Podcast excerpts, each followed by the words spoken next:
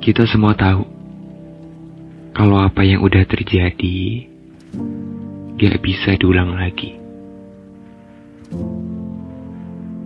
Dulu, kita mengenal dunia sebagai taman bermain yang seru. Tapi, sekarang kita malah mengenal dunia sebagai tempat segala hal yang gak pasti. Bahkan bahagia pun sering kali datang dalam bentuk imaji.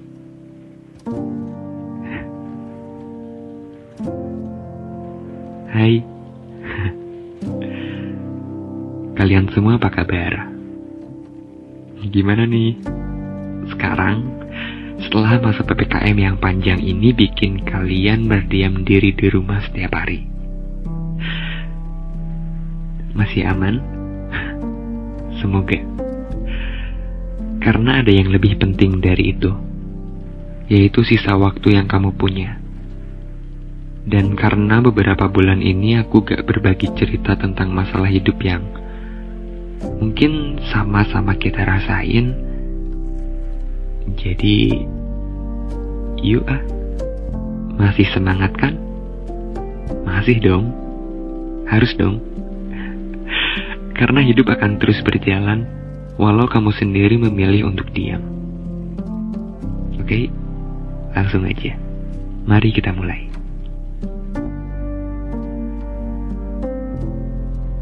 Mulai sekarang, suara ini akan mengambil sedikit waktu kamu. Waktu yang mungkin bisa kamu gunain buat makan, buat lanjutin kerjaan, atau scroll beranda Instagram. Tapi bahwa waktu yang kamu luangkan buat ini mungkin bisa sedikit merubah kebiasaan yang skemanya gak pernah kamu harapkan. Karena benar, menyesal itu datangnya di akhir. Contoh kecilnya gini. Kamu ditawarin makan. Tapi kamu malah nolak. Dan setelah kamu menolak tawaran itu, kamu berharap ditawarin lagi. Tapi ingat, ada kenyataan yang mengatakan kesempatan gak datang dua kali. Itulah yang sering terjadi. Tapi di cerita kali ini, aku mau sedikit bercerita tentang keluh kesah yang secara gak sadar memengaruhi kehidupan kita. Karena sekarang, setelah kita tahu dunia yang sebenarnya, kita seakan dibatasi untuk melakukan hal-hal yang dulu sering dilakukan. Entah itu karena ego yang tinggi, karakter diri, atau karena emang udah bukan waktunya lagi. Padahal, sewaktu kecil kita suka banget main hujan, iya kan? Tapi sekarang kok, hujan malah sering kali kita anggap sebagai penghalang. Hmm.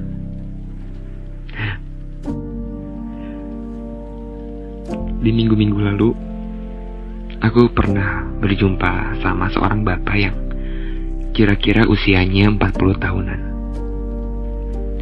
Dia seorang pembisnis, sekaligus menjadi anggota pemerintahan juga.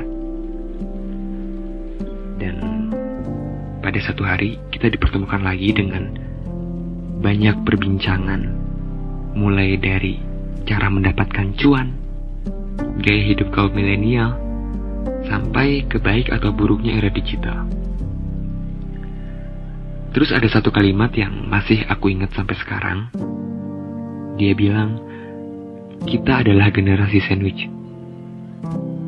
Yang menurutku, kalimat itu bermakna tekan atau diberi tekanan.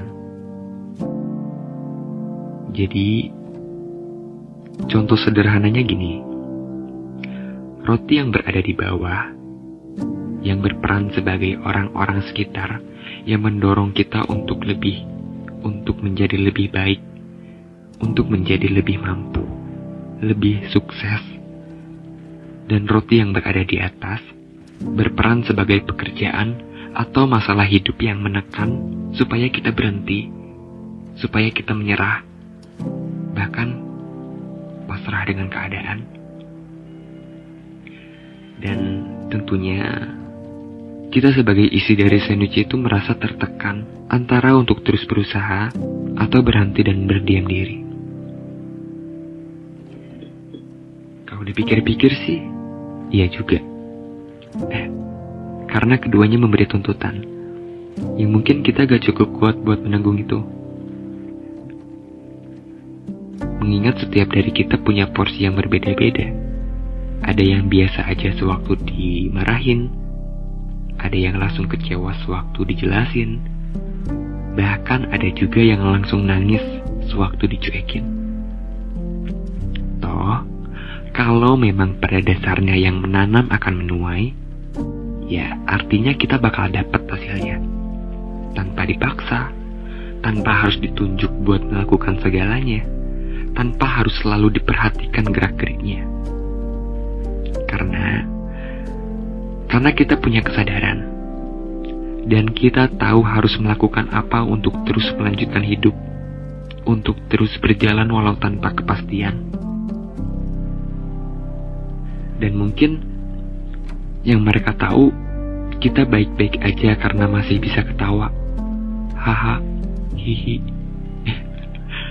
Padahal Kenyataannya, di balik itu semua, kita sedang berusaha untuk menyembunyikannya.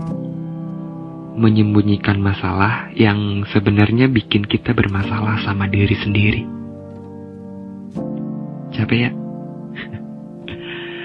Apalagi kalau terbangun dengan beban yang masih tetap sama seperti saat kita memejamkan mata. Kalian pernah gitu gak? Seakan dunia gak ngasih kita ruang buat sekedar menikmati waktu luang. Atau mungkin gak ada yang namanya hari libur buat kita. Karena pada nyatanya, kita masih memikirkan masalah yang sama sepanjang waktu, tanpa jeda. Jadi, mau sampai kapan? Mau nunggu aja nih. Emang jaminannya apa sih kalau kamu cuma nunggu? Bukannya kita harus makan kalau lapar. Sejujurnya, itu adalah pertanyaan-pertanyaan yang aku tujukan buat aku sendiri sewaktu masalah-masalah itu hampir bikin aku kalah. Dan kemarin, satu minggu yang lalu, aku berhasil menjawabnya dengan tenang, dengan penuh keyakinan. Dan itu bikin aku ngerasa jadi sedikit lebih lega karena masalah yang selama ini tinggal dalam kepala, yang selama ini aku pendam tanpa mau bercerita, tanpa ada usaha untuk mencari jalan keluarnya, akhirnya bisa aku lepas dengan apa adanya. Bahkan ternyata gak apa-apa yang dulu mikirnya bakal makin bermasalah, ternyata gak apa-apa. Yang dulu dipendam karena takut semakin salah, ya padahal gak apa-apa. Malah setelah aku ungkap semuanya, semuanya ikut baik-baik aja. Karena sebenarnya setiap masalah pasti punya jalan keluar. Setiap pertanyaan pasti punya jawaban. Tapi ada tapinya. Yaitu, diri sendirilah yang enggan menyederhanakannya. Malah masalah kecil bisa jadi besar, bahkan sangat besar, dan itu karena diri sendiri yang pikirannya terlalu over. Terlalu berlebihan. Ya sederhananya kayak yang aku bilang tadi. Makan kalau lapar. Jangan mikirin langkah apa yang harus kamu lakuin buat ngambil makanan itu. Kalau harus jalan, ya jalan. Kalau harus masak, ya masak dulu. Karena ketika kamu bilang, lapar banget, tapi males jalan, males masak. Tanpa disadari, kamu sedang menciptakan masalah buat kamu sendiri. Sebenarnya, semua akan jauh lebih baik kalau kamu langsung jujur Jujur ketika kamu ngerasa udah gak nyaman sama satu pekerjaan, udah gak nyaman sama lingkungan yang ngasih kamu tekanan. Karena kalau kamu terus sembunyiin perasaan itu, mereka gak bakal tahu dong kalau kamu udah gak nyaman. Mereka gak bakal tahu kalau kamu udah bosen sama hal-hal itu. Dan otomatis yang ngerasainnya cuma kamu sendiri. Yang berarti kamu malah menyakiti diri sendiri. Gak selamanya menahan diri itu baik. Coba deh, sekali aja jujur tentang perasaanmu. Mungkin semuanya akan terlihat lebih baik. Siapa tahu? Mau tahu? Makanya coba. Kalau udah gak kuat, bilang gak kuat. Kalau udah capek, jangan pura-pura hebat. Kesempatan buat kamu masih banyak kok. Bahkan mungkin melebihi yang kamu pikirin sekarang. Semua kesempatan itu masih terbuka buat kamu. Semenjak kamu masih berjuang buat keluar dari masalah yang sama, masalah yang mengurungmu begitu lama. Dan ketika kamu udah memutuskan atau menemukan jawaban buat salah satu di antara masalah-masalah itu, percaya deh, kamu bakal mikir, kenapa gak dari dulu ya?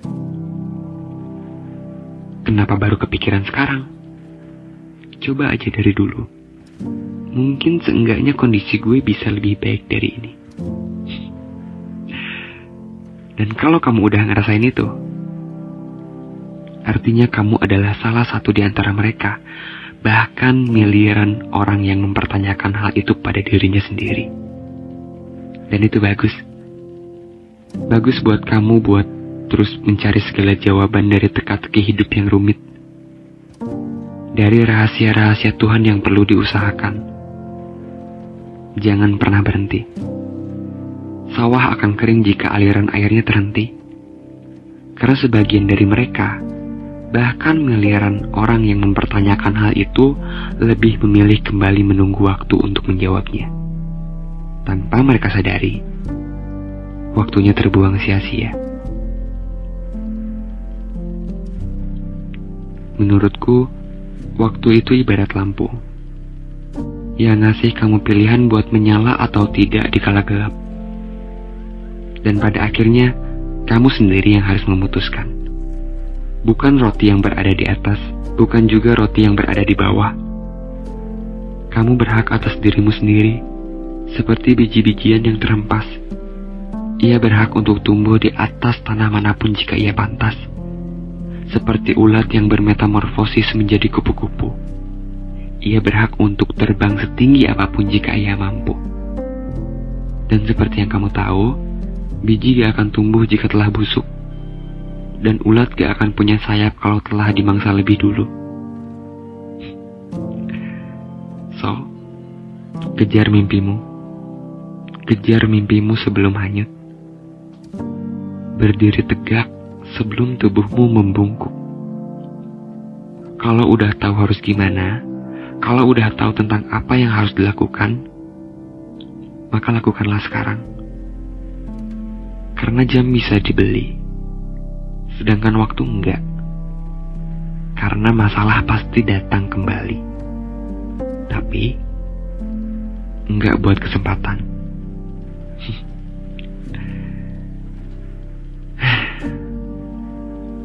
Sekian cerita dari aku.